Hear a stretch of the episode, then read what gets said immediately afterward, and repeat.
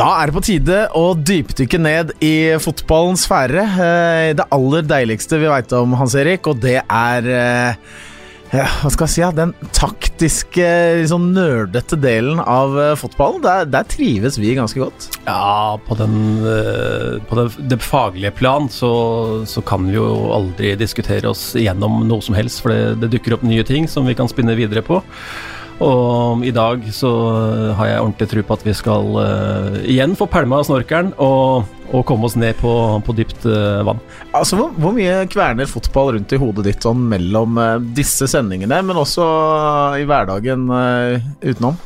Fotball er jo noe som er der hele tida. Det er ikke noe Og du, rele, du, du putter relevans i egentlig alt du gjør inn til spillet fotball. Så det, det Noen ganger er det slitsomt, de fleste gangene så er det jo eh, Det er jo det det handler om. Det er ikke sånn at du, plukker eh, varer i mathyllene på butikken etter eh, liksom 433 eller 352? Kan være. Ja, du kan det, ja. ja. Kan være. Det skal vi, jeg kan sende deg noen telefonnumre du kan ringe til for å snakke om akkurat de tingene der, Hans Erik. Jeg husker, jeg husker jeg kjøpte poteter en gang. Nå tenkte jeg på et lag. Nei. Eh, I dag så skal vi i hvert fall eh, få snakka ordentlig om fag i fotball, for, eh, og dette vet jeg at du har gleda deg veldig til. Gjestene våre i dag er noen vi For jeg vet at du liker å lære, og i dag i Fotpolitics så er det mye å lære, tror du ikke? Det er helt garantert mye å lære av disse to herremenn vi har med oss, og akkurat som du sier, jeg gleder meg. Veldig bra. Eh, Da ønsker vi hjertelig velkommen til U21-landslagstrener Leif Gunnar Smerud og UG18, er det det heter nå? Eller eh, landslagstrener eh, Paco Pål Yes. Arne Johansen. Velkommen til dere to. Veldig hyggelig å ha dere her. Tusen takk. Når dere skulle være med i en, en podkast som skal dreie seg om fotballfaget Det er vel egentlig sånn dere går rundt og snakker daglig, dette, så det er ikke noe annet enn at det står noen mikrofoner rundt dere, så er det eh, business as usual. Ja, jeg tror vel det som Hans Erik beskriver, vi går rundt og prater med en del andre, og kanskje mest med oss sjøl om det. Leif Gunnar, er, eh, du har levd i fotballens sfærer i hele livet. Hvordan, eh, hvordan trives du der? Nei, jeg trives veldig godt, og det er faktisk sånn som dette. Det, nå jobber begge med i Fotballforbundet, og der er det begynt å bli veldig mange gode og spennende diskusjoner. Så vi lever i dette ofte, og sjelden da får lov til å komme og snakke med andre utenfor det, og på, på dette dybdenivået. Så det gleder vi oss veldig til. Jeg gleder meg òg skikkelig til dette. Uh, Leif Gunnar, for å starte med deg, da. Uh, mange har jo sett deg på banen uh, som fotballspiller selv. Du har trent U21-landslaget. Du har vært en del av trenergjerningen rundt landslagssjefen i, i Norge. Fortell litt om hvordan din hverdag og hva du driver med akkurat nå om dagen. Altså, jeg har to hovedområder. Jeg trener jo U21. og Det er jo fem internasjonale perioder i året der vi er samla. Og så er det jo planlegging av de og, og oppfølging av spillere. Se spillere, velge spillere, prøve å utvikle spillere sammen med klubbene. Og så har jeg en ny eh, del av jobben min som egentlig begynte for ca. et år siden, som heter teknisk sjef. Som betyr at jeg bidrar inn mot trenerutdanning, toppklubbutvikling og landslag som eh, fenomen bredt, både gutter og jenter og gamle og unge. Så min hverdag er òg ganske mye knytta til det, å prøve å systematisere arbeidet NFF gjør med å gjøre de beste klubbene og trenerne og spillerne bedre. Så jeg prøver å koordinere sånne flinke folk som, eh, som jobber der, og få eh, mest mulig effekt og value for money eh, inn mot å bli bedre på feltet. Veldig bra. Eh, Pål Arne, kan jeg si Paco fra nå, eller? Paco er fint. Paco er veldig bra. Hvor kommer det egentlig kallenavnet fra, for å, for å starte der? Men eh, gjerne høre litt mer også etterpå om hva din hverdag går ut på om dagen. Ja, så det, Hans Erik og jeg jobba jo i team nå, rundt eh, G18-landslaget, sammen med tredjemann som heter Rolf Tegen. Eh, Rolf jobba jeg sammen med i Groruddalen når det ble stifta, på på starten av 2000-tallet. Og da begynte vi tredjedivisjon, men vi hadde lyst til å bli gode, og da skulle vi spille fort. Og da mente Rolf at Pål Arne tok for lang tid å si, så måtte vi finne noe kortere og noe mer internasjonalt. Så var det flere forslag oppe, men da landa vi på Paco, da. Litt fordi Pål Arne coach, litt Pål Arne og co. osv. Så, videre. så det er historien som har vært det siden. det kler deg veldig godt. ja, det funka jo bedre, i hvert fall når man liker å holde på litt utafor landets grenser med fotball. Og ekstra bra når det blir Freddy og Paco, det må jeg si. det, er, det er nesten en tegneserie, det. Ja. Så Vi spilte mot San Marino uh, nettopp med laget vårt, og da hadde de en spiss som heter Paco. Så den sanmarinske treneren ropa jo det hele tida for han skulle gå i press der, men da skjønte vi etter hvert at det var med han sikta at det var nummer ni i blått. Uh, men uh, nok om det. hverdagen min har til forskjell for Leif Gunnar vært litt mer operativ de, i hvert fall de to siste årene, for jeg har trent to lag hele tida både 18 og 19, og etter hvert 18 og 20. Og, ja. Så, så, jeg har hatt uh, ni samlinger, inkludert et mesterskap, hvert år, og vært mye ute og reist, både med egne lag og sett spillere. Så jeg har vært veldig mye på farten. Uh, og trives veldig godt med det, og hatt mye tid med de her to lagene. Uh, så jeg har nettopp resignert kontrakten uh, med krav om å kunne trene ett lag, sånn at jeg òg kan få lov til å jobbe litt mer i forhold til det å få enda mer fart på hele systemet som er en del av. For jeg har veldig tro på at vi må bygge et system for å bli slagkraftig over tid i norsk fotball. Uh, det vi skal prate om i dag, Hans Erik, det er jo bl.a. Hvor, hvor står vi akkurat nå i forhold til uh, hvordan vi har vært tidligere, og ikke minst uh, tanke på hvor vi har lyst til å komme. Sett fra ditt ståsted, da, hvor, hvor tenker du at norsk landslagsfotball på den yngre generasjonen ligger i dag? Jeg har, eh, jeg har to erfaringer med landslags, yngre landslagsfotball. Den ene er eh, dessverre så langt tilbake som 23-24-25 år tilbake, hvor, eh, hvor jeg spilte sjøl. Og den andre er nå som jeg har vært med i et team sammen med, med Paco. Um, og det er Likheten er jo fotball og flagget på brystet, og, og den, det, den, stasen det er å være en, en del av det. Eh, og så er forskjellene større, for nå eh, Jeg syns det ser eh, veldig bra ut. Det jobbes eh, nøy, nøysomt og veldig, eh, veldig produktivt bra. Eh, og det er en glede å være en del av det. Og så er det jo spennende å høre enda mer dybde i det nå, så, så folk der ute også får, får en liten smak på, på hvordan det jobbes. Jeg registrerer jo ofte at norske trenere er ute og ser på hvordan det står til i andre eh, fotballnasjoner. Hva gjør man der, hvordan er det ulikt fra det vi gjør hjemme? Men hvis vi skal starte med oss her hjemme, da, Leif Gunnar. Hva er måte, den norske modellen? Hva er fotballen i Norge er tufta på som man kan ta med seg, som man kanskje vil beholde, eh, selv om man får impulser utenfra? Altså En ting vi har snakket ganske mye om, og som jeg tror det er enighet om, er jo Eh, samhandling. Uh, vi må være gode og bedre enn de andre sammen. Uh, vi har, selv om vi har bedre spillere nå enn når vi spilte Hans Erik og Freddy, så, så har vi fortsatt en del uh, utfordringer knytta til at vi er ganske få. og gjennom det så tror vi at samhandling på alle nivå er en nøkkel.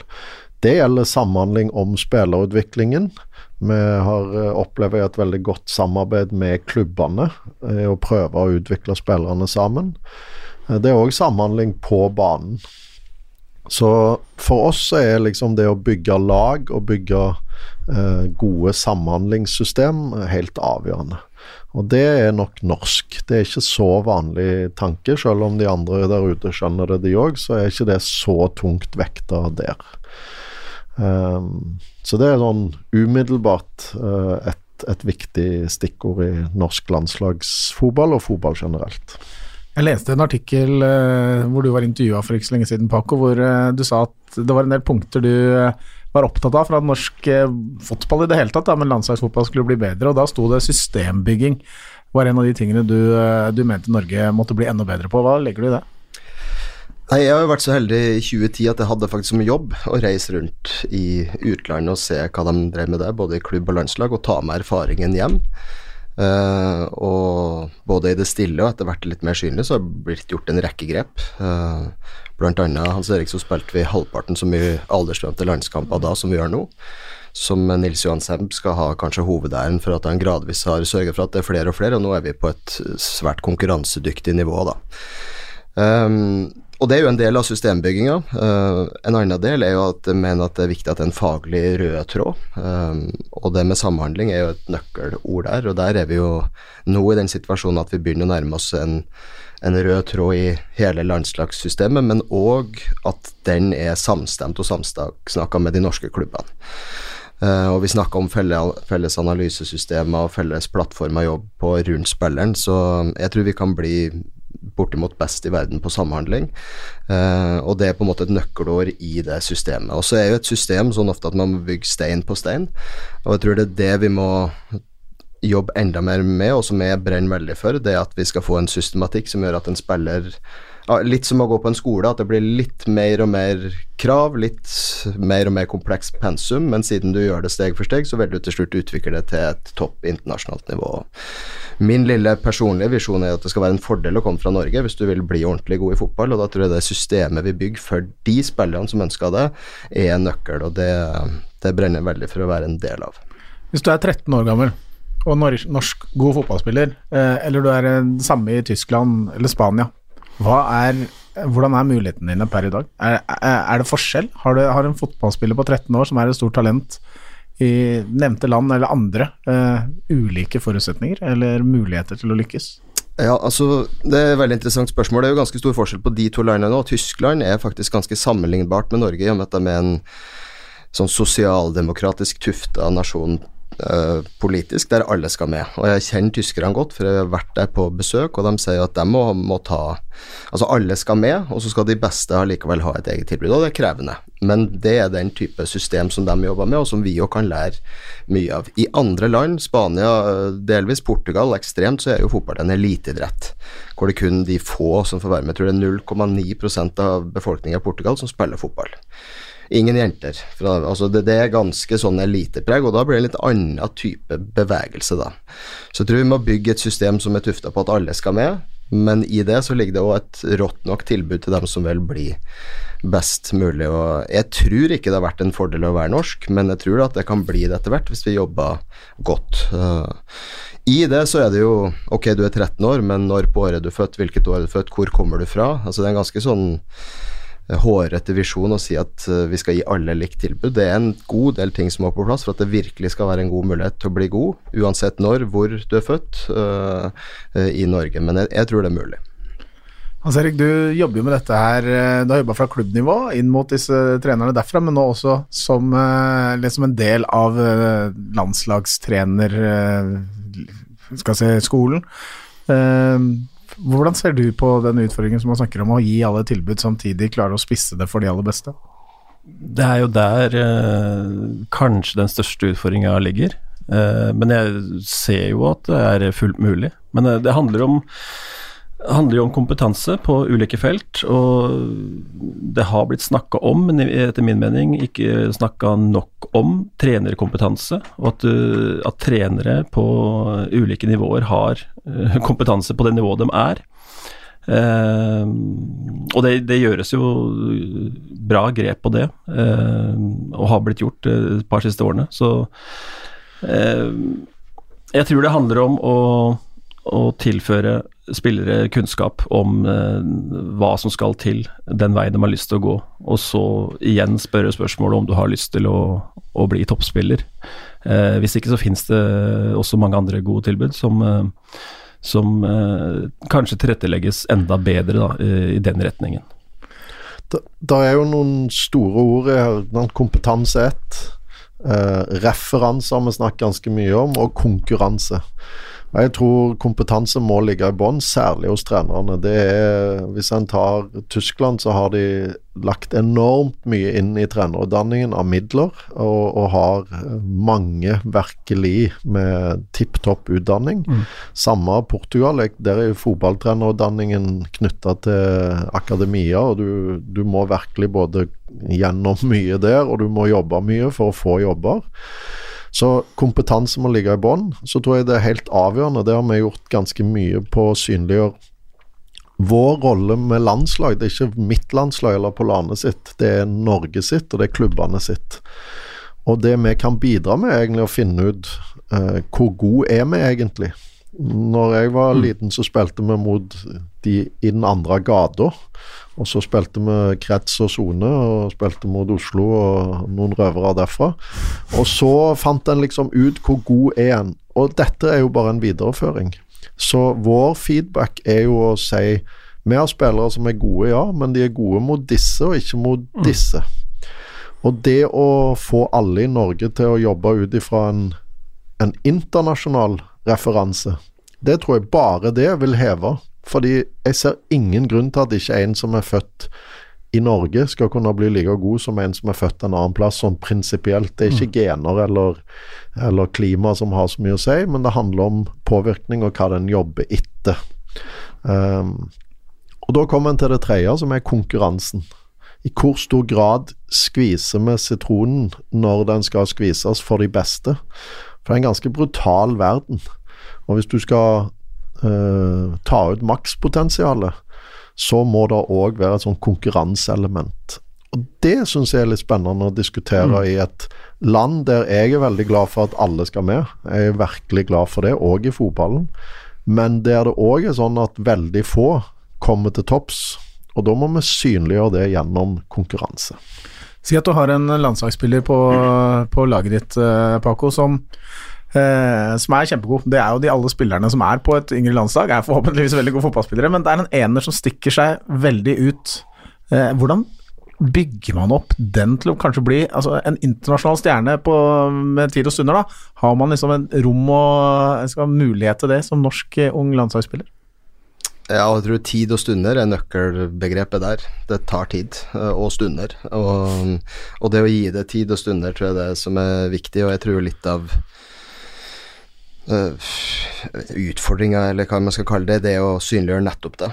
Så, så når jeg etter å ha jobba med spillere i to år får melding om at hvis jeg jobber sånn i 10-15 år til, så kanskje jeg når målene mine, som jeg vet er skyhøy, da blir jeg glad.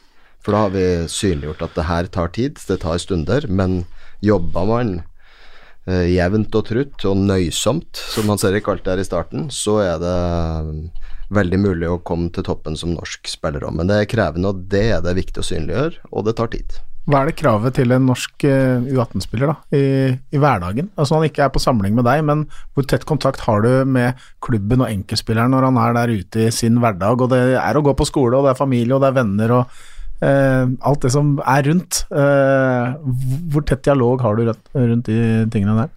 Jeg prøver å ha tett dialog, og nå har vi jo nytt av året at vi da mm, deler uh, spilleranalysen fra våre landskamper med klubbtrenerne, og det er et form for krav at de sitter og ser dem sammen, og det gjøres òg. Så de har den internasjonale referansen som Leif Gunnar prata om, med seg inn i klubbhverdagen. Uh, så er jo dialogen med treneren én ting, jeg er opptatt av at spilleren må eie prosessen sjøl. Så hvis du har vært uh, ute sånn vi har vært på EM-kvalifisering nå, og kommer hjem, så må du fortsette å spille internasjonal fotball sjøl om du er i Norge. Og det er spillerens ansvar, og det er sånn du må jobbe i 10-15 år for å, for å bli det òg. Men vi prøver å være tett på og ha en felles utviklingsplan for spilleren og en felles dialog om hva det handler om, sånn at spilleren opplever at det er den som står i sentrum, og at vi som er rundt, samarbeider til spillerens beste. Men der er det også spilleren som må ta hovedansvaret for egen utvikling, og det er jo en viktig en måte, ting å påpeke i denne prosessen. Eh, Som fotballspiller så er det jo litt lett av og til Hans Erik, å bare gjemme seg i kollektiv. Eh, ok, jeg kan stå over litt i dag, for selv om jeg ikke var så god i dag, så vant laget.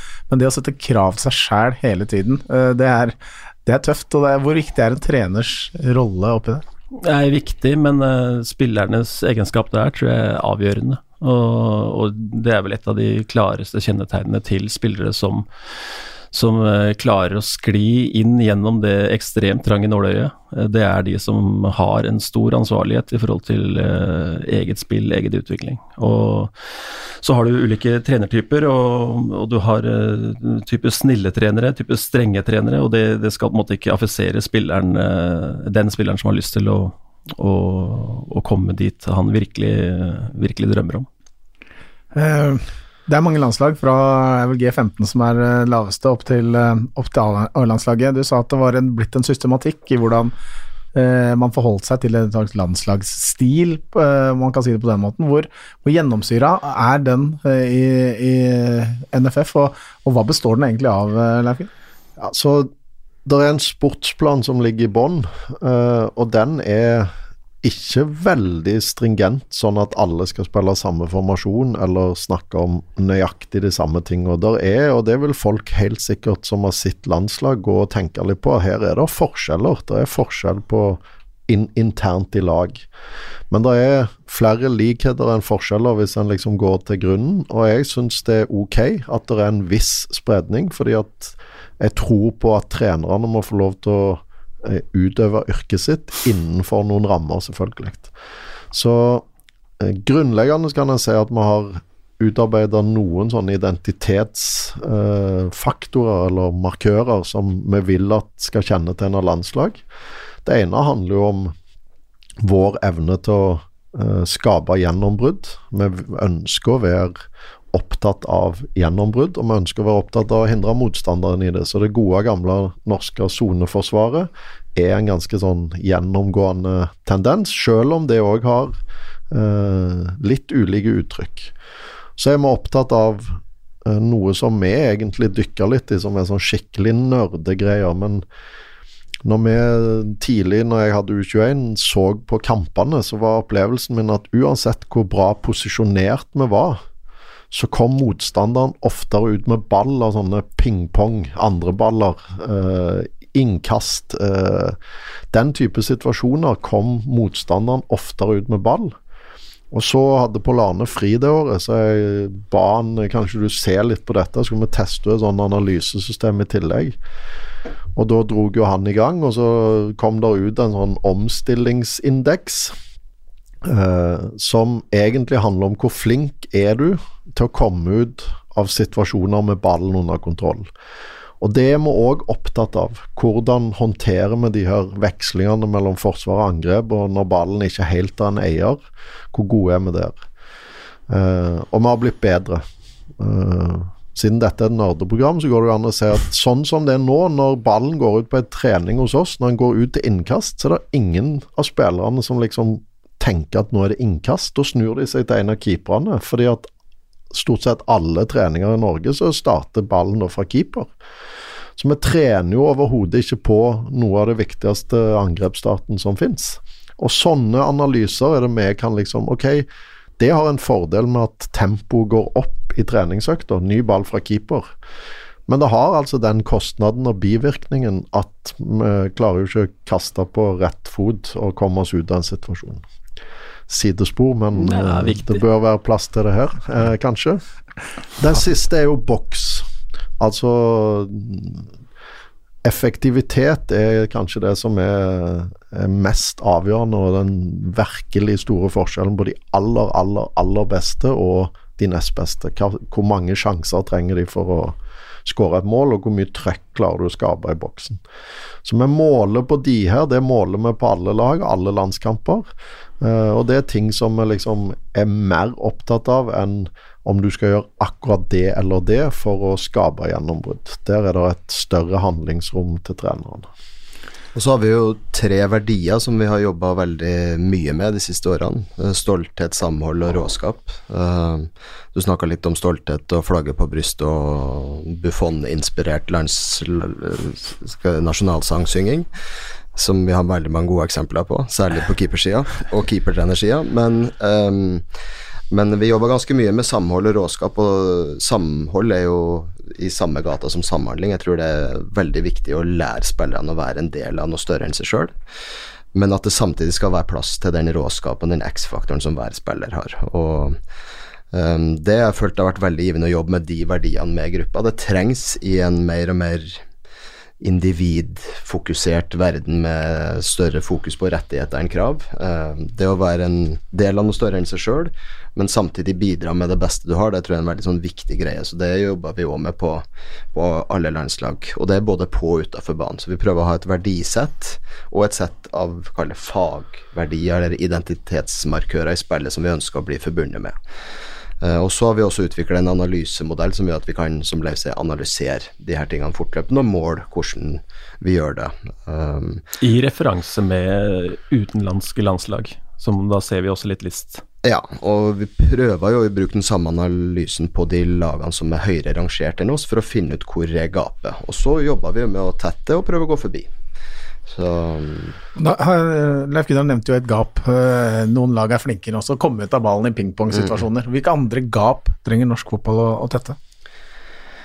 For å begynne litt i andre enden, da, så ble vi jo nylig kåra til Most Rapid Climber av Uefa på guttesida. Det her da vi er ganske høyt oppe på jentesida på aldersbestemte landslag, og det er jo delvis fordi at vi var ikke så høyt rangert før, men også fordi at vi har greid å tette noen gap. Vi har fra å plassert oss rundt sånn 25-30, så er vi oppe rundt topp 10 nå på de siste årene. og Det er en bra utvikling, og det tror jeg har å gjøre med det vi har snakka om nå, systematisk fag- og verdiarbeid. Og så er det jo å ta opp kampen med de beste som står igjen nå. Um, og da tror jeg på banen så handla det veldig mye om boks. Vi ser det at uh, når vi møter lag som er høyere rangert enn oss, så skal det mindre til for de skårer enn vi trenger i tilsvarende kamper. Så uh, den der utviklingen av spiss, spissen og keeperen og midtstopperne, det tror jeg er særdeles viktig for å på en måte ta opp kampen med de aller beste. Og jeg syns òg det er gledelig utvikling. Uh, at vi har gått fra en tid der det alle var små, lette tekniske kunstgress midtbanespillet, at vi faktisk har både keepere, midtstoppere og spisser nå som gjør seg bemerka både nasjonalt og internasjonalt. Uh, vi har jo bl.a. spissa i begge Red Bull-klubbene, som jeg syns er kult. Som er, det er et på en måte bra kulturuttrykk, og det tror jeg vi må fortsette å dyrke. For uten at vi er best der kampene avgjøres, så, så greier vi ikke å stå dem som er foran oss for øyeblikket. For det var en kjensgjerning at en periode så Fra, fra å ha måte, stoppere som Ronny Johnsen og Henning Berg, og vi kunne nevne i fleng altså Erik Hoftun fikk jo knapt en landskamp uten at han, selv om han var totalt dominerende som midtstopper i, i mm. norsk eliteserie, så gikk vi til en, måte, en generasjon hvor det var, det var mye tekniske, små spillere. Men eh, hvor aktivt har du jobba, Leif Gunnar, med å få man får liksom de X-faktorene og ikke minst spisskompetansen i alle ledd av banen, egentlig, som, eh, som Paco er inne på? Vi har eh, adressert det for en del år tilbake, og landslagsskolen er jo tydelig på, på en del rollekrav. Det starter jo ganske tidlig. Eh, men dette er sånne trender og tendenser som det er litt vårt privilegium å få lov til å sitte og se og tenke og fange signaler rundt.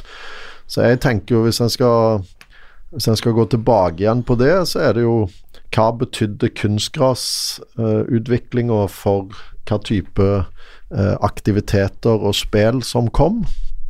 Um, jo, det betydde sannsynligvis at det gikk an å spille mer fotball, for å bruke en sånn type. Og da tror jeg treninga i en periode ble veldig prega av det. Uh, og utvikler du egentlig Hvorfor skal du være stor og sterk eller tøff hvis du spiller en possession uten retning? Så ei klassisk økt, nå er det masse unntak, men ei klassisk økt var en eller annen oppvarming. Så var det possession, eller en pasningsøvelse. Så var det possession, stort sett uten retning. Og så var det kanskje litt spill på slutten uh, i en eller annen form, eller noe taktisk. Og jeg tror den possession-delen i midten uten retning har vært mer ødeleggende enn vi tror. Fordi at uh, ikke er det noe rom du skal orientere deg mot når du f.eks. vinner ball i en sånn pingpong. Ja, du skal framover. Eh, det vi har sett nå, er ja, men nå kommer vi oss ut med flere baller fra pingpong, men vi tar den like ofte hjemover som framover. Det gir jo mening, det, hvis det ikke er framover og bakover. Og den andre er da hvorfor skal du være stor og sterk og skyte hardt eller sparke langt, hvis alt handler om at du skal ta vare på ball i små områder. Så jeg syns det er veldig spennende å se koblingen mellom rolleutvikling. Eh, hva var det som gjorde at vi hadde de stopperne og spissene vi hadde den gang? Og så har de forsvunnet, og så begynner de å komme tilbake igjen. Det er ikke bare tilfeldig, men det er noe vi gjør for å få noe til å fungere, og så har det en bivirkning. Så, her tror jeg det er nå iverksatt veldig gode tiltak både i klubbene, som i større grad klarer å rekruttere inn og se potensialet til en stor, hengslete som ikke er helt uh, der han skal være teknisk. Han kan bli kjempeviktig for både klubben og landslaget på sikt. Men han er ikke en liten teknisk midtbanespiller. Så dette er viktig, altså. Hans Erik, du, du, har jo i din trenerkarriere ofte forfekta en veldig possession-orientert fotball. Er det noe av dette her du kan uh, si at uh, der har du noe, noe, å gå på, kan lære av, eller, eller vil du liksom uh, tenke at det er en del av denne spillestilen du allerede har liksom planlagt? Nei, jeg syns uh, Leif Gunnar peker på noe veldig sentralt. og det Fotball handler om å skåre et mål mer enn motstanderen. Og så må du bygge et system da, som sørger for at du gjør det oftest mulig. Ellers så, uh, så gjør du ikke det. Da skårer du ikke mer enn motstanderen. og Eh, jeg er jo en av de som brukte mye possession i, tidlig i mine år som trener, og, og syns det var veldig fornuftig, og du fikk ballskikkelige spillere. Men uh, som Paco nevner her nå, at uh, boksen er viktig, og hva du gjør der inne. Og ikke minst hvordan du kommer deg dit, med, med, hvilke vinkler og hvilke muligheter du har etter at du har erobra boks. Det, det, er helt avgjørende. Og da Du lærer ikke en spiss spissbevegelser på detaljnivå med nyansene som er de viktigste, uh, med å holde ballen eh, i en possession-øvelse i et rom som eh, ikke har så mye verdi i, inni en boks. da. Eh, så jeg husker eh, da det lyset gikk opp for meg, nå er vi tilbake i 2728, så eh, byt, satte jeg spissene ut av possession-øvelser og lot de drive med avslutninger i ulike former, som var på en måte ett steg videre derfra. Eh, og så begynte midtstoppere å gjøre noe annet, og så plutselig hadde vi bare en gjeng midtbanespillere igjen som eh, skulle holde i ball, men det, det blei retning på det etter hvert òg. Så det er Jeg tror det er utrolig viktig som trener og at system er basert på det, at hvordan ser spillet ut, hvordan vil du at spillet skal spilles, og etter det så finner du øvelser, ikke bare kopiere noen øvelser som du har sett andre gjøre før deg. Her er jo, når en kommer inn på metodikk, da, treningsmetodikk for å få til det spillet du vil, så er vi prisgitt veldig lite tid i landslagssammenheng. Så det har vært veldig utviklende for meg som trener. Og, og nå er det mandag, i går spilte de kamp, og på torsdag venter Tyskland eller Spania. Og du vet at det er vanskelig utgangspunkt, og så kan du nesten ikke trene. Det har tvunget fram en sånn ekstrem prioritering som jeg ikke er sikker på du kan overføre direkte til klubb, men som jeg er ganske sikker på å utvikle eh, en sånn eh, kritisk sans for hva er det egentlig den aktiviteten her gir, og hvordan kan jeg få enda mer ut av disse ti minutter? For ti minutter er ganske mye i landslag og veldig lite i klubb. Mm. Så det har vært en veldig spennende reise, eh, som jeg òg håper vi som landslagsmiljø sånn, hjelper hverandre nå å ta steg på. Hvordan mest effektivt får vi trent på dette? Du har dratt et landslag til et sluttspill, eh, Paco. Eh, hva var det som gjorde den generasjonen eh, så god? Er det bare Norge, som du sier, vi har steget i gradene på, på, på generell basis, eller er det noen få enkeltspillere eller et, en generasjon som stik, stikker seg ut? Jeg merka nå at jeg svarer jo aldri på spørsmålene dine, men hvis jeg får lov å hekte litt på den, det som har vært snakka om her nå, så i år 2000 var jo sist vi var i et seniormesterskap på herresida. Uh, og jeg tror det var akkurat omtrent da jeg studerte X-fil. Det var jo noe sånn eksamen filosofikum, og jeg leste om en uh, filosof som heter Hegel, som prater om at alt utvikling gikk gjennom tese, antitese og syntese. Og For meg så er det litt norsk fotball. Vi hadde en ekstrem gjennombruddshissighetstilnærming på 90-tallet. Uh, den møtte sin antitese, som han ser i det du beskrev, at alle spilte possession og uten retning. Det var en motreaksjon, uh, som ikke er så uvanlig utvikling. Og så nå opplever vi at vi er ferdig i en sånn syntese hvor vi vet at uh, det er viktig med gjennombrudd, men det viktigste er ikke hvor hissig du er, men hvor mange gjennombrudd du har. Det viser fotball, moderne fotballforskning at det er det som teller. Det er da du kommer mest til boks, og det er da du vinner mest kamper. Spania har mest gjennombrudd. Barcelona har mest gjennombrudd, men de er langt fra mest gjennombruddshissige. For meg er det syntesen, og nå kommer jeg til svaret på spørsmålet. Jeg tror det er en av de pilarene det laget som, som, var i EM i fjor og VM tidligere i år, har bygd spillet sitt på, så er det en gjennombruddsbevissthet. Vi skal ha flere gjennombrudd enn motstanderne, og særlig der det teller mest. Så, så jeg tror, og det tror jeg er et konkurransefortrinn i Norge, at vi kan utvikle ganske god kunnskap om spillet, og så gjelder det å omsette til kompetanse på banen gjennom god metodikk. Og der var jeg så heldig når jeg kom inn i landslagssystemet, så hadde jo Leif Gunnar vært der ei stund, og selv om han var teknisk sjef da, så var han det egentlig. Sånn at uh, måten å få det her overført til spillerne kjapt på, den på en måte metoden lå tilgjengelig. Så Hans Erik, du har vært med et år nå, kjent på både spillestil og metodikk i forhold til å få Eh, et det, effektivt internasjonalt spill overført til spillerne så fort som mulig. Eh, det er på en måte jobben der og da, og så er kanskje den store grunnforutsetninga at det har skjedd veldig mye spillerutvikling av både landslagsskolen og ikke minst i klubbene. Uh, når vi var spillere og alle dere spilte på aldersskjønte landslag, så var det jo knapt en spillerutvikler. Det ordet tror jeg ikke fantes. Nå er det jo 200 stykker som er ansatt på heltid i toppklubbene. og Klart dem bidrar godt i at vi har den største fremgangen i Europa. Og så gjelder det at alle dem blir enda et hakk bedre sammen med oss, til at eh, lagene kan ta opp kampen med, med de beste. Så, så tror jeg det laget i tillegg hadde keeper, midtstopper og spiss og det må du ha. For, ja, det tror det, det var mye mellom viktig, der som var bra. Det er ja. viktig, og hvis du ser tilbake i den tida før, så hadde du en Steffen Iversen og en Jon Carew, og det tok jo òg U21 den gangen til mesterskap, sant, og nå har du hatt F.eks. en type som Erling, som hamrer inn mål. Eh, det er klart det er viktig egenskap, gitt at denne boksdimensjonen er så avgjørende. Så jeg tror ikke en skal underslå betydningen av enkeltspillere. Men i utviklingen av de spillerne, så tror jeg kollektivet er nøkkelen. Vi må liksom jobbe ut et miljø som trigger enkeltspillere til å bli så gode de kan bli. Det er vel noe med at øh, Vi skal gå tilbake til den tiden når du nevnte med Steffen Iversen og hvor vi snakka om i stad, hvor vi spilte yngre landslag. Så var det jo jeg husker vi, var, vi kvalifiserte oss en gang for U19-EM og for U23 da sist gang Norge var det før den nye generasjonen var egentlig på, på midten av 90-tallet. Og da var det jo eh, Jeg husker vi, vår landslagstrener, vi hadde jo ikke noe kontakt med, med han etter Alf Gustavsen mellom en samling og neste. Fikk kanskje med oss et ark med noe vi skulle huske på og tenke på til neste gang.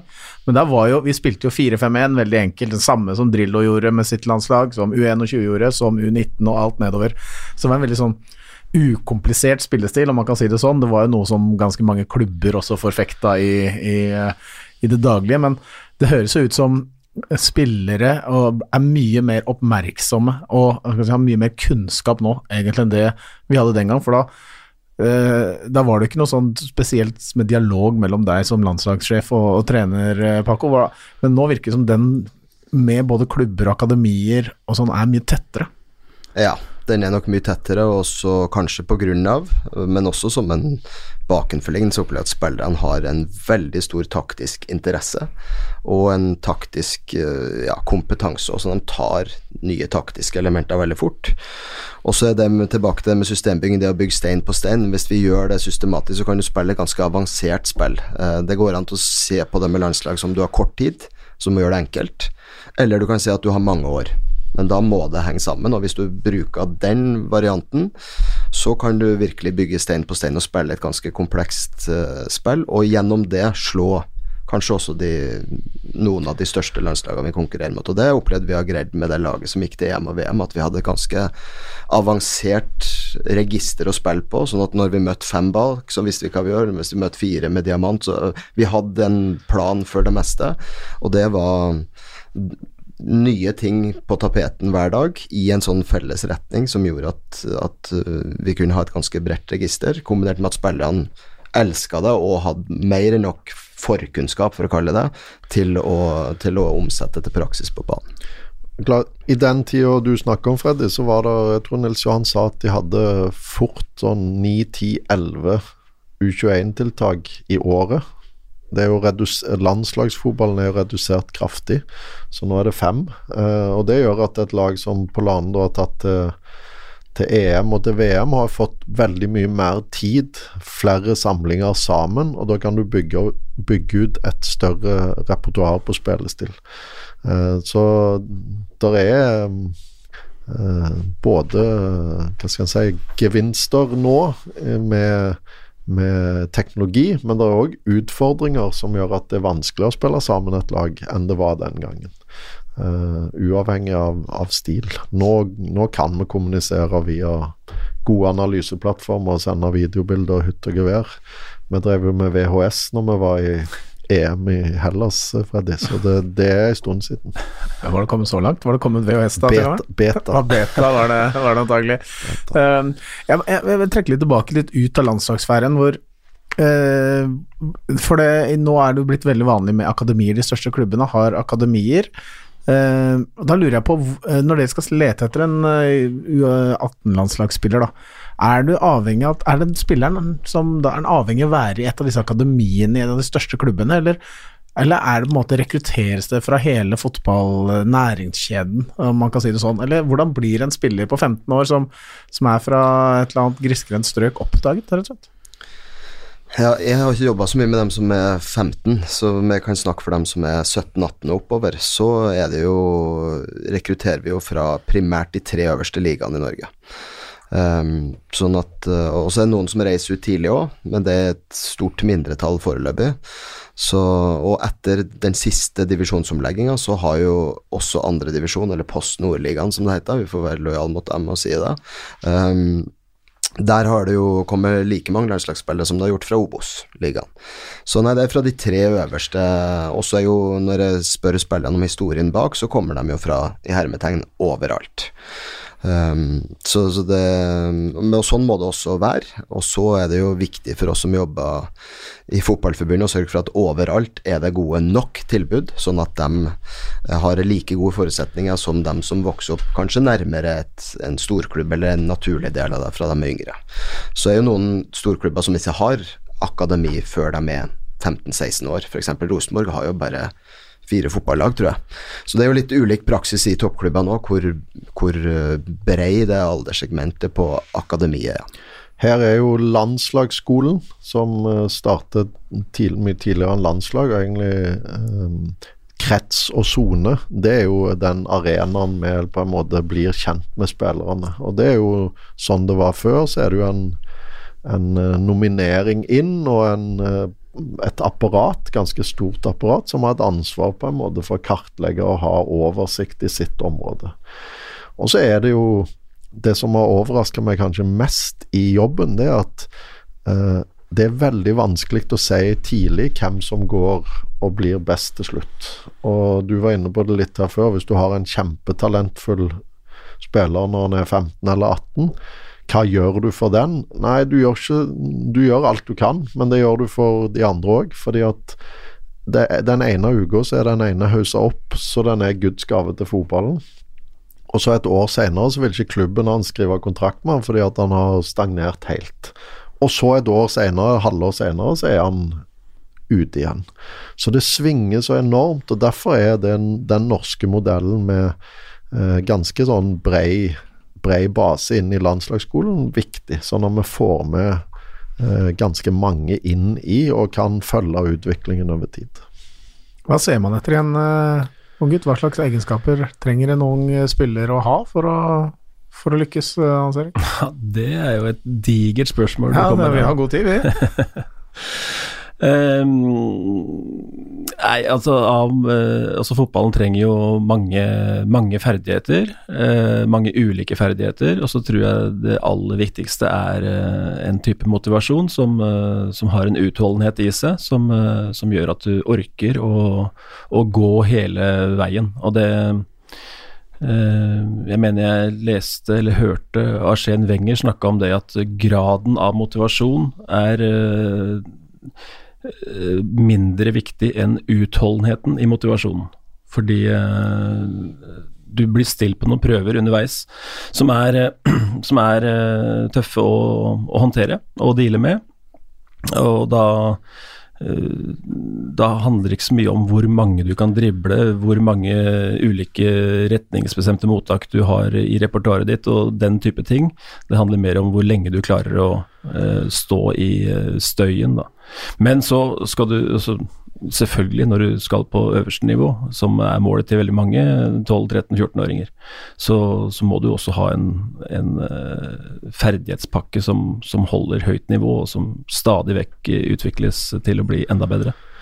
I, I landslagsskolen så er kriteriet nummer én det er eierskap til egen utvikling. Nettopp det Hans Erik her sier. Altså En må finne spillere som virkelig vil, og som har den det forholdet til å eie sin egen prosess. Og så er det litt problematisk, fordi at hvor mange på 13 år har et veldig mm. Og skal ha et veldig sånn reflektert forhold til sin egen utviklingsprosess. Det er en fare da for at vi kan miste noen òg, men uten motivasjon, ingen sjanse.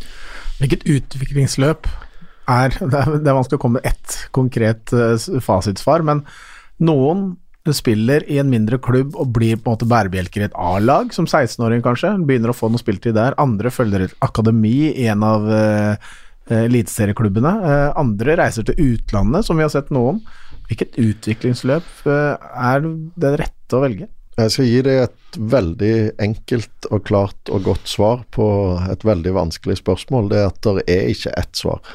Det er virkelig om å gjøre å treffe på det løpet. og hvis en skal prøve å, å angi noen kalde eh, oppskrifter, så handler det om å få matcha seg rett hele tida. Eh, så for noen er det å fort spille A-lagsfotball og på en måte tøffe seg opp. For andre så er det å vente med det og ta lengre tid på seg og utvikle en base. Men at du treffer på hvor tid du tar neste steg, og at du treffer på det steget, er ganske viktig. Og vi har vel brukt i landslagsmiljøet Moi som, et, som en sånn meget god case. Nå har, har, det stoppet litt for han, men så har han kommet seg i gang igjen.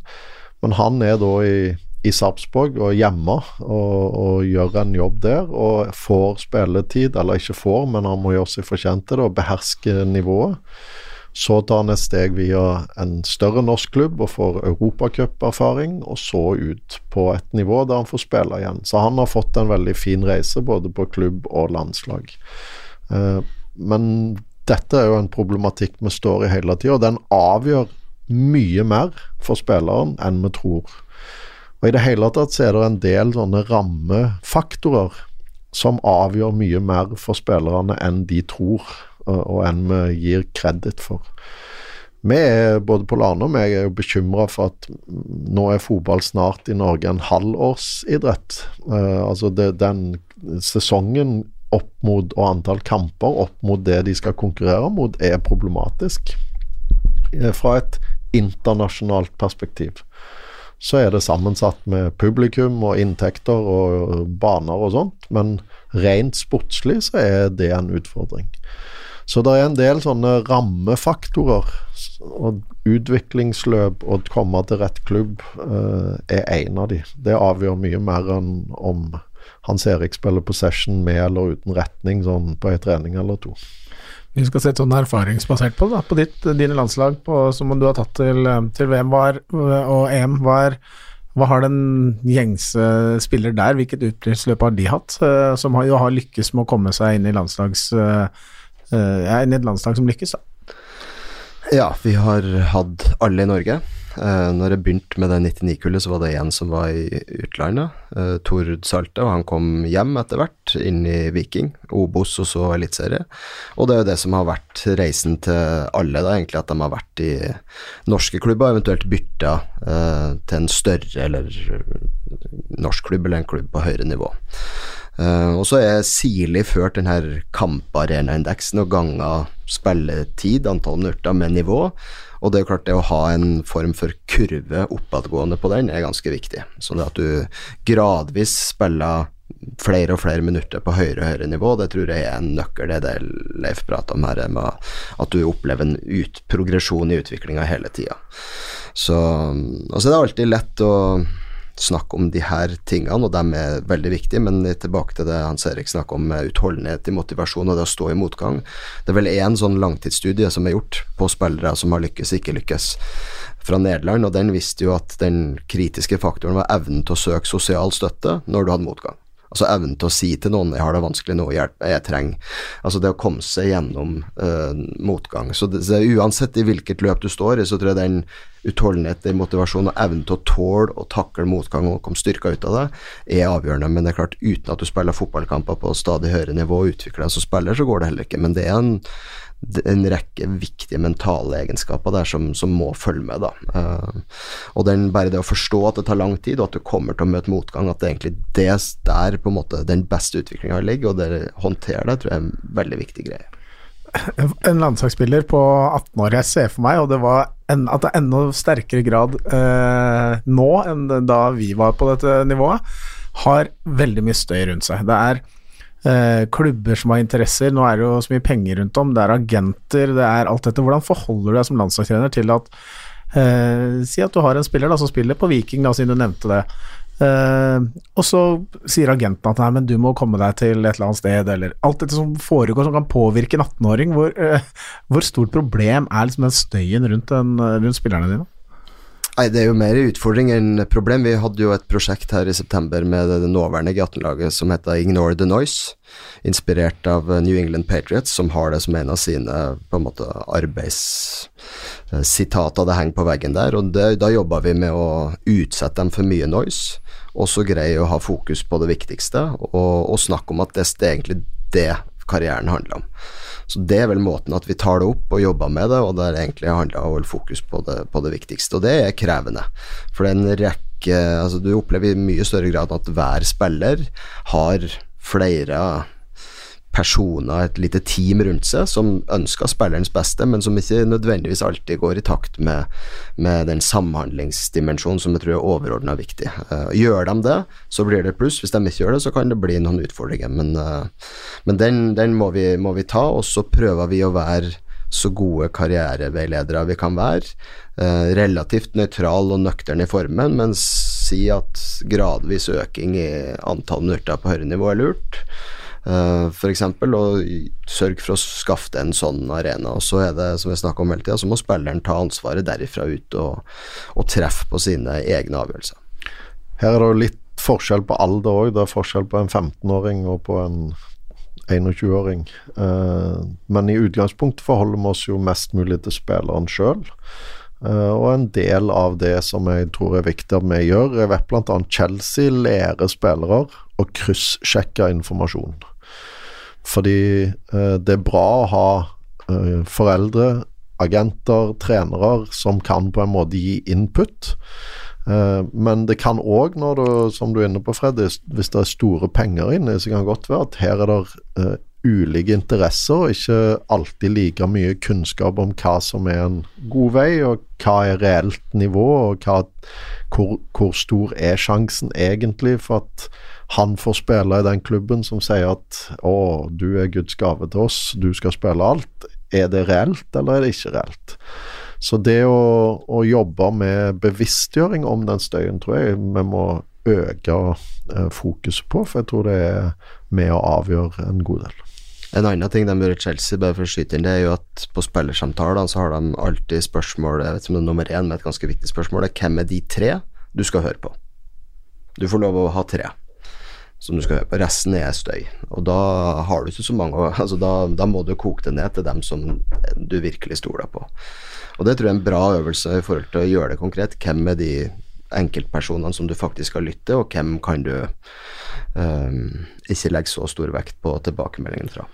Det forenkler jo ting litt, da, for det, det kan også være en regel for en ung spiller at den du den du får kritikk av, for kritikk vil du få ganske mye av opp gjennom eh, et eh, langt fotballiv. Den, den, du får kritikk av, trenger du egentlig ikke å høre på hvis det ikke er han du tar råd fra. Så hvis du har tre stykker da, som rådgivere, så er det de som også kan få lov til å kritisere det. Alt det andre av kritikk, det er ikke så viktig, for det er ikke dem du har lyst til å rådgi dem heller. Ja, det er et, et veldig godt poeng, det der. Jeg lurer på noe sånn du sa at du var ute og studerte, du reiste rundt i 2010 for å se hvordan landet gjorde det eh, andre steder. Ehm, er, er, eh, er norsk fotball eh, opptatt av måte hva skal jeg si, at man ikke har etablerte sannheter. Jeg har, jeg har et inntrykk av at norsk fotball er egentlig ganske søkende etter kunnskap andre steder. Hvordan, hvordan blir norsk fotball når dere er ute mottatt andre steder, når sier du drar til Portugal eller til Spania eller Tyskland eller sånn. Hvordan, eh, hvordan blir man mottatt som, eh, som, fotballnasjon? Hvordan blir vi sett på der ute? Jeg blir mottatt godt. Uh, og så med nysgjerrighet òg. Altså jeg opplever jo at Men nå har jeg ofte oppsøkt miljø som vi på forhånd har regna oss frem til har gjort det veldig bra, og at det er en holdning da, som de beste har mye av, det nysgjerrighet. Så det det, det, det koster litt å faktisk få stilt spørsmål sjøl og få svar, fordi at de er ganske nysgjerrige på å spørre andre veien. Så, og det er jo en interessant eh, observasjon i, i seg sjøl. Um, ehm, så hvordan vi blir sett på, er vel forskjellig, men det helt åpenbare hva skjedde? Altså 90-tallet, Rosenborg, hva skjer med Hvor er dere nå? Um, og litt sånn Hva skjer nå? Sånn, hvorfor er dere i slurv? Hva er det som er greia? Altså, det er jo ofte det nysgjerrigheten går på, er liksom de her historiske svingningene. Hva kommer det av, og hvor er dere på vei, og hva styrer dere etter? Jeg, jeg opplever òg en åpenhet, um, og at de er Dette har jo selvfølgelig litt med resultater og sånt å gjøre òg, men det er klart de poengterer jo Nå har jeg vært både i Spania, i Portugal, i Tyskland, som er store land. Og De poengterer jo at de har så mye spillere å velge fra. Så de er litt imponert over hva vi får til med et såpass lite grunnlag. Eh, sånn de ser det. Eh, for de kan, om én løftes opp eller kastes ut, så har de en ganske stor pågang. Og de er, i hvert fall de trenerne på U21-nivå i de landene, er imponert egentlig av de spillerne de får jobbe med. Og syns da det er bra at vi kan matche de sånn i ny og ne og, og utfordre de. Uh, så jeg opplever en, en, åpenhet og en respekt, uh, samtidig som de de nesten i større grad enn her hjemme ser perspektivet med at de har en haug av spillere som spiller liga eller Bundesliga, når en kommer opp på det nivået vi snakker om her, mens vi ikke har det. Eh, så tror jeg det bildet er litt annerledes lenger ned, der vi kan ha en fordel at våre beste 18-19-åringer kan spille uh, eliteserie, mens da spiller de akademifotball, som ikke nødvendigvis er så mye bedre enn det vi gjør. Har en 19-åring i uh, Tyskland samme fotballhverdagen som en 19-åring som spiller i Molde? Altså Når de kommer opp og blir på den alderen der de begynner å konkurrerer på mitt lag, så har de aller fleste en profesjonell hverdag. eh, der det er full tid og fotball. Eh, men det er rammevilkårene i Molde og, og Borussia München-Glabach sikkert er eh, forskjellig. Men i utgangspunktet så er hverdagen profesjonell på det nivået. Det store poenget her er jo hva nivå er det trenings- og kampmessig. Ikke minst kampmessig så vil det da være forskjell på en som spiller i Ullkisa og som spiller i Roma. Uh, så, men hverdagen er tror jeg ganske grei for norske spillere, og kanskje uh, så grei at, at det er viktig og litt vanskelig å minne om neste steg og neste steg og neste steg, for du er profilert i Norge om du spiller i Eliteserien. Du er på TV, du blir intervjua før kamp, og du eh, Det er mye oppmerksomhet rundt deg, nesten som Premier League. Eh, litt mindre folk på tribunen. Og kanskje går noen seg litt vill i mm, Ja, bra, men det er noen ligaer som er en god del bedre. Det er jo en viktig del av eh, utholdenhet i motivasjon. At ikke det her også på en måte blir det som bremser deg, da. at du får den anerkjennelsen du eh, sikkert til tider har gjort deg fortjent til, men at, eh, at, motivasjonen fortsatt er høy på å bli bedre. Ja, for hva er suksess her, sant? Eh, det er det. Hvis, hvis, det er suksess for en å spille eliteserie, hvis det er å makse, eh, så er det suksess. Uh, og, og de som da har et mye større potensial, men som ikke klarer å ta ut det, de har jo ikke hatt suksess. Mm. Og en del av våre beste landslagsspillere bør ha en, en ambisjon om og en kapasitet til et høyere nivå. Uh, og da er det en stor fare at de blir uh, enten for utålmodige på den ene sida, eller for mette på den andre mm. sida, og ikke gønne på hver dag i treningsarbeidet. Mm. Det var vel en Vi har snakket om en melding her som dukka inn at hvis jeg jobber sånn som dette nå i ti, ti, år til, så hardt som jeg har gjort det siste halvåret, da kan det være jeg blir skikkelig god. Det er ganske få som har den, tror jeg. Jeg tror det handler litt om at du, hvis du tar Tyskland som et eksempel, har referansen i eget land så nært. Så hvis du da er U19-spiller i en tysk bondesligaklubb, så kalibrerer du det opp mot dem du spiller mot, men mot eget A-lag. Pluss at du da er bosatt midt i Europa og kan kikke nedover til, til La Liga og Serie A og litt opp på skrå til venstre til Premier League. Og, og det er så nærhet til et høyere nivå. Det er Champions League-kamper på hvert gatehjørne, holdt jeg på å si, i nærheten av der du bor. Sånn at du får den der følelsen at du er ved en eller annen form for mål.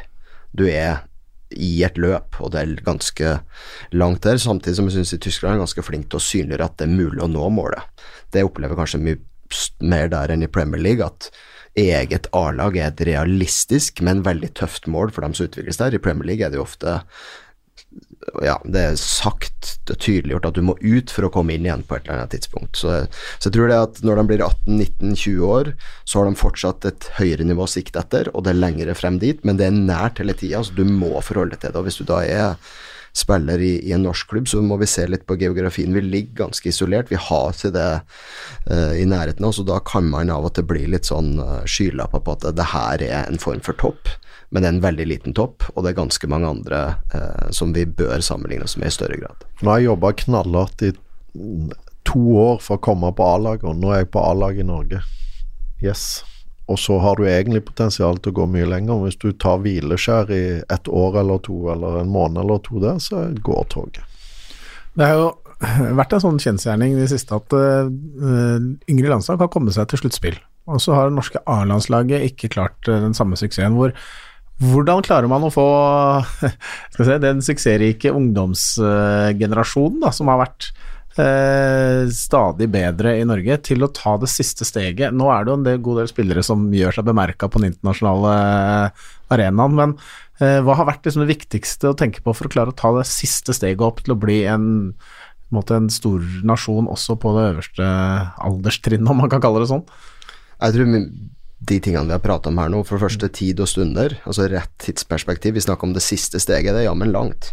Altså det er fra du er 20 til du er 27 år, da har du Ja, det, så det er mange små steg igjen, det tror jeg er viktig å si. Det er ikke ett siste steg, det er mange små eller ett gigasteg. Så det, det, det er avstand til endestasjon er lenger enn vi tror.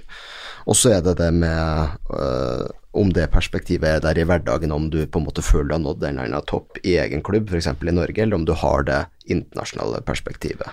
Så vi har vel regna ut at for å komme til mesterskap, så har vi en sånn formel som er 40 pluss 40 pluss 1,8. Altså vi har spilt 40 aldersbestemte kamper.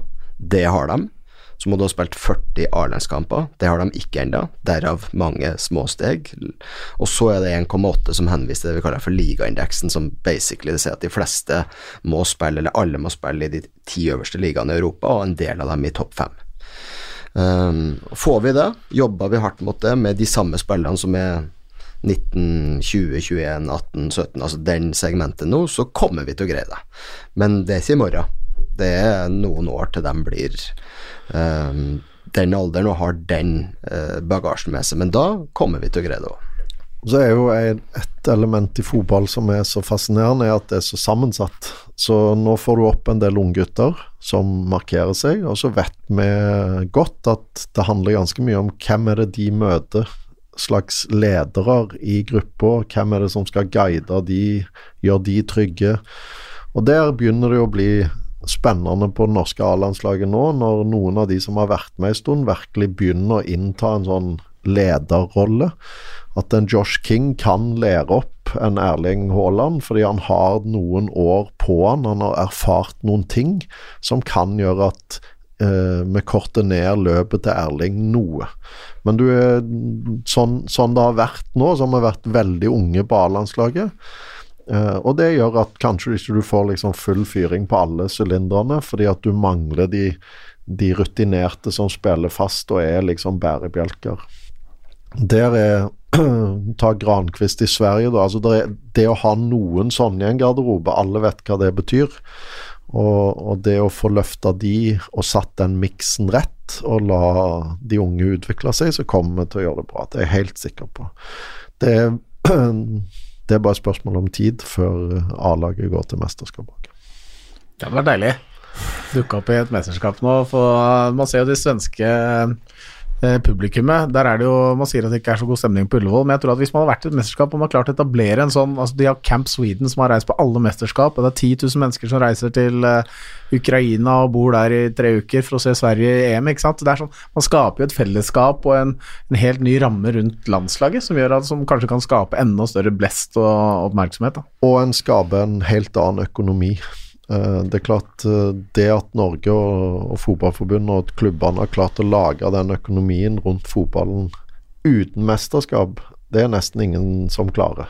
Så det er en veldig bra jobb, men over tid, hvis ikke vi kvalifiserer oss, så har vi ikke økonomisk grunnlag til å henge med de beste. Så ærlig må vi være. Så vi trenger òg inntektene fra europeisk spill for klubbene. Det tror jeg er litt undervurdert i dette òg. Um, at den uh, europacupspillet uh, gjør spillerne attraktive. Det genererer inntekter som kommer alle i Norge, alle klubbene, til gode indirekte.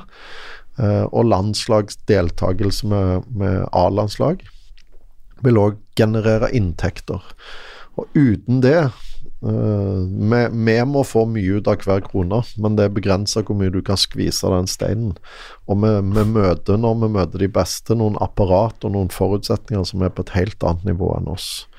Over tid går ikke det. Og så tenker jeg at det er jo fotballen som bevegelse i Norge, så vi alle husker 90-tallet og hvor kjekt det var å være norsk, og Gro sa at det var typisk norsk å være god, og OL på Lillehammer og, og VM og EM og sånn, og det Vi har på en måte en viktig oppgave i forhold til nasjonalfølelsen òg. Så, så, det å komme til mesterskap og ha Camp Norway, om det er Ukraina eller hvor det er, det vil gjøre noe med sjøltilliten i det norske folk, og det Ingenting ville vært bedre enn å bidratt til det. For det, vi er ganske bra når vi når vil jeg godviljen til. Eh, jeg, altså, som alle sikkert nordmenn der ute, så er vi jo spente på talentene våre som kommer opp. Hvem er det som kommer til å prege norsk eh, landslagsfotball og eh, norsk eliteserie, og de, hvem er det som kommer til å gjøre oss stolte der ute i de store ligaene? Eh, hvem er det vi skal se fram til som kommer opp fra de yngre landslagene? Tør du å nevne navn på sånne ting, eller Paco, eller er det, er det liksom sånn man, uh, man ikke gjør? Nei, men jeg, det er vel eh, Et navn jeg vil nevne, er jo at jeg ønsker at den norske ligaen i kanskje større grad blir en talentliga, der vi går og ser på de her. Uh, sånn som Argentina er beste eksempelet for meg, der uh, alle reiser til Europa ganske tidlig, men argentinerne går mann av huset for å se på sine Ja, på morgendagens helter, da, eller Ja, det var River Plate mot Boca Juniors ja, i går. Det, var, ja, det er nok Så, folk på stadion der. Ja, det koka. Det er også TVs tilbake, og det er litt sånn òg, men det er eh, ganske unge lag, og det tror jeg vel har vært veldig kjekt å fylle norske stadion og sett på dem som, som kommer til å gjøre det for oss i fremtida, for dem, dem finnes det mange mange av. Som en sånn At en litt større sånn profil på det, det, det har jeg tro på vil være forfriskende. Så for det um, Med alle dem som jobber med unge spillere, så, så, er det muligheter for det. Um, men konkrete navn er Vi får være ærlige på det at de bør ikke være i Norge for lenge før de flytter og spiller utenlands. Da snakker jeg over 20, ja, men så, så hvis landslagene våre skal gjøre det så godt som vi ønsker Så, så det at det til enhver tid er en, en rekke unge spillere mellom la oss si 17, 18 og 22 som spiller i den norske ligaen som vi går og ser på, det ville vært på en måte Syns jeg ville vært veldig kjekt. Jeg syns det gjør litt bjørnetjeneste å begynne å nevne navn. Jeg kunne nevnt mange, men jeg har sett det så mange ganger. Det blir hausa opp et navn som gjør det bra. Uh, TV, aviser, uh, hjemme hos Han skal redde Norge. Og så og så kanskje, hvis han står i det og har evnen til å på en måte håndtere dette klokt, så kommer han tilbake igjen og blir ganske bra. Uh, og så er det noen som blir kanon. Men å, å si det er vanskelig. Jeg tenkte bare at Fotpolitics Hans Erik for første gang skulle være tabloide. Det hadde, det hadde vært liksom eh, Nå skulle vi liksom hause opp en eller annen og se hvordan det går, men eh, sikkert et klokt svar. Eh. Ja, men Jeg har jo sjøl opplevd da de fire samlingene vi har hatt med, med landslaget vårt til nå, Paco, så, så glitrer jo ulike spillere egentlig på hver samling. Mm. En som er på ordentlig, eh, ordentlig på godfoten i, på ene samlingen, kan to-tre måneder etterpå ikke være helt der, men da er det helt, eh, en helt ny spiller som, som, er på et veldig godt sted. og Det der det varierer jo veldig. Så det er vanskelig å plukke ut en, og jeg tror ikke det er noe stor fornuft i det heller, heller eh, gjøre det her. men uh, litt tilbake til utholdenheten i motivasjonen igjen. da. Du, I løpet av et landslagsår og, og i løpet av de samlingene du er på, så er du på et veldig godt sted den ene måneden, og så, så har du opplevd uh, ulike ting som gjør at du kanskje ikke er helt der på neste, men da er det andre som har tredd fram. så og Her tror jeg det scoutes litt ulikt. Noen scouter fordi at de har sett eller vil se toppnivå hos en spiller. De vil se liksom den sinnssyke kampen eller den sinnssyke kvarteret der du dribler og skyter den i krysset. Mens de aller fleste tror jeg følger med spillere og ser hvordan håndterer du når det går imot òg. Uh, og hvis du ikke håndterer det, ikke aktuell for oss. Mm. Det er et element som gjør at uh, når vi snakker om spillere og snakker, jeg sier hauser de opp, vi som uh, må konkurrere internasjonalt, der motstanden er veldig, veldig tøff, ser at hvis du har et hull i spillerkompetansen din. Altså hvis du er Du kan være fantastisk å slå pasninger eller drible, hvis du ikke kan Hvis det er et eller annet du overhodet ikke kan, uh, så har du ikke sjans. Fordi i en landskamp så må du både forsvare deg og angripe, og du må beherske veldig mye, så du må være uh, all round på et akseptabelt nok nivå. Og veldig mange av de vi syns er outstanding, har et hull. Så du kan ha en fantastisk dribler eller en med en vanvittig fart, eller som er dritgod i lufta. Men hvis de har for store hull, så får vi et problem når vi skal bruke de. Fordi vi vet at hvis kampen ikke bare blir sånn, så blir den spilleren eksponert for det han er svak på, da taper vi. Og Det er en sånn dilemma som jeg ikke tror du opplever hvis ikke du blir dratt eh, sånn utfordringsmessig langt nok i hverdagen. Da får du mm. spilt på det du er god til, hele tida. Eh, du spiller på et lag som dominerer kampene i Norge, så da dominerer du hver kamp. Da må du ikke forsvare 70% av tida. Og Her er det noe interessant i, når du sier spillere. Hvem er det som klarer å tette hullene, og samtidig bevare en X-faktor på noe? Det er eh, interessant at man skal ha, man har så mye ferdigheter. Vi ser jo til andre idretter hvor Norge er blant de aller beste i, i verden, Paco. Hvor eh, Gjerne i vinteridrett. Eh, har man noen gang eh, måtte, Ser man noen gang dit, eller ser man til de store fotballnasjonene? Eller lærer man av den idrettskulturen som finnes i andre idretter i Norge også? Ja, altså, det tror jo Vi kikka jo til andre idretter i Norge som gjør det bra, kanskje litt for mye i forhold til treningslære. Altså, jeg føler at vi har i litt for stor grad hatt treningsregimer. Det har sikkert du vært med på. Løpt på møller og tatt O2-tester og gjort det samme som andre idretter som har helt, helt andre krav. Uh, I forhold til tese, antitese, syntese, så føler vi forbi det nå. Vi har en mer moderne treningslære. Uh, det jeg syns er mest interessant å se på i Norge, er jo håndballen. Der har vi jo mestere både på kvinner og, og nesten på herresida nå, og VM og EM-finale. Og det er jo en idrett som er sammenlignbar. Det er en ball, lagballidrett. Eh, og vi har òg et herrelag der som har tatt noen vanvittige steg på ganske kort tid. Eh, kanskje inspirert. Der føler jeg at det kanskje kan være veldig spennende å gå inn hvordan har de jobba med unge spillere, med lagbygging, med ja, samhold, råskap, stolthet. Hva er det i håndballen? For det tror jeg kanskje mer overførbart. Um, og det er sånn med, res med respekt å melde, så er noen av de idrettene vi er best i, også er, er ikke så mange nasjoner som, som, deltar. Jeg tror det var fem nasjoner som hadde kjøpt TV-rettighetene til VM på ski sommer, mens det var rundt 200 til U20-VM i fotball. Så det er en ganske stor idrett òg, så jeg tror det er viktig å se til, til, til andre fotballnasjoner, og det gjør vi. Uh, og så syns jeg håndballen i Norge er veldig spennende. for det, den er på én måte sammenlignbar, selv om det jo er forskjell. Vi har jo eh, alle drøm om at Norge skal være så gode som man kan bli i fotball. Hvor tror du norsk landslagsfotball er på vei, du Hans Erik? Jeg tror den er på, på god eh, på, på, riktig vei, i, i bra hastighet. Og så litt tilbake til det Leif sa i stad, eh, og Paco har vært innom flere ganger òg, med at ting eh, tar litt tid. Det må man regne med, men så lenge man gjør de riktige tingene, de riktige grepene, og jobber nøysomt med det, så så vil da til slutt lederfigurene i det, A-landslaget som eh, Leif tegna opp i stad, de ville vært i den skolen der, og de veit hva det handler om, og de har fått den erfaringa som Paco har vært innom. Uh, og så er, så er det egentlig bare tidsspørsmål, tidsspørsmål før vi når i sluttspill og, og opp, uh, opplever masse glede og stolthet og, og, råskap gjennom det. det. det. føler jeg meg trygg på, i den grad man kan være trygg på noe som helst i fotball. Men jeg veit hvor godt det jobbes, og hvor skarpe folk i viktige posisjoner er. Eh, så vi er på god vei i, i god hastighet. Da, det har vært Eh, holdt på å si bedring, eller forbedring. Vi har vært most rapid climber på guttasida de siste åra. Samtidig som det går den vei, så må vi vite at konkurransen er sinnssyk. Kan, nå har vi snakket mest om guttasida her i dag. På damesida er jo en ekstrem utvikling. Vi må virkelig stå på for å henge med.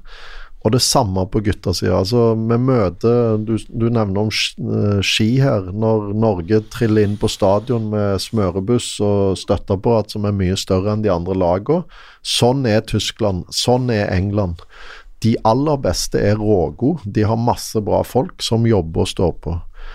Jeg tror vi kan liksom eh, få en bra framtid, men jeg tror samtidig at vi må være klar over at konkurransen der ute er knalltøff, og hvis ikke vi er i skikkelig strekk, så har vi et problem. Da, da passerer noen som ser at Norge gjør det bra, så lærer de hva vi gjør, og så passerer de oss.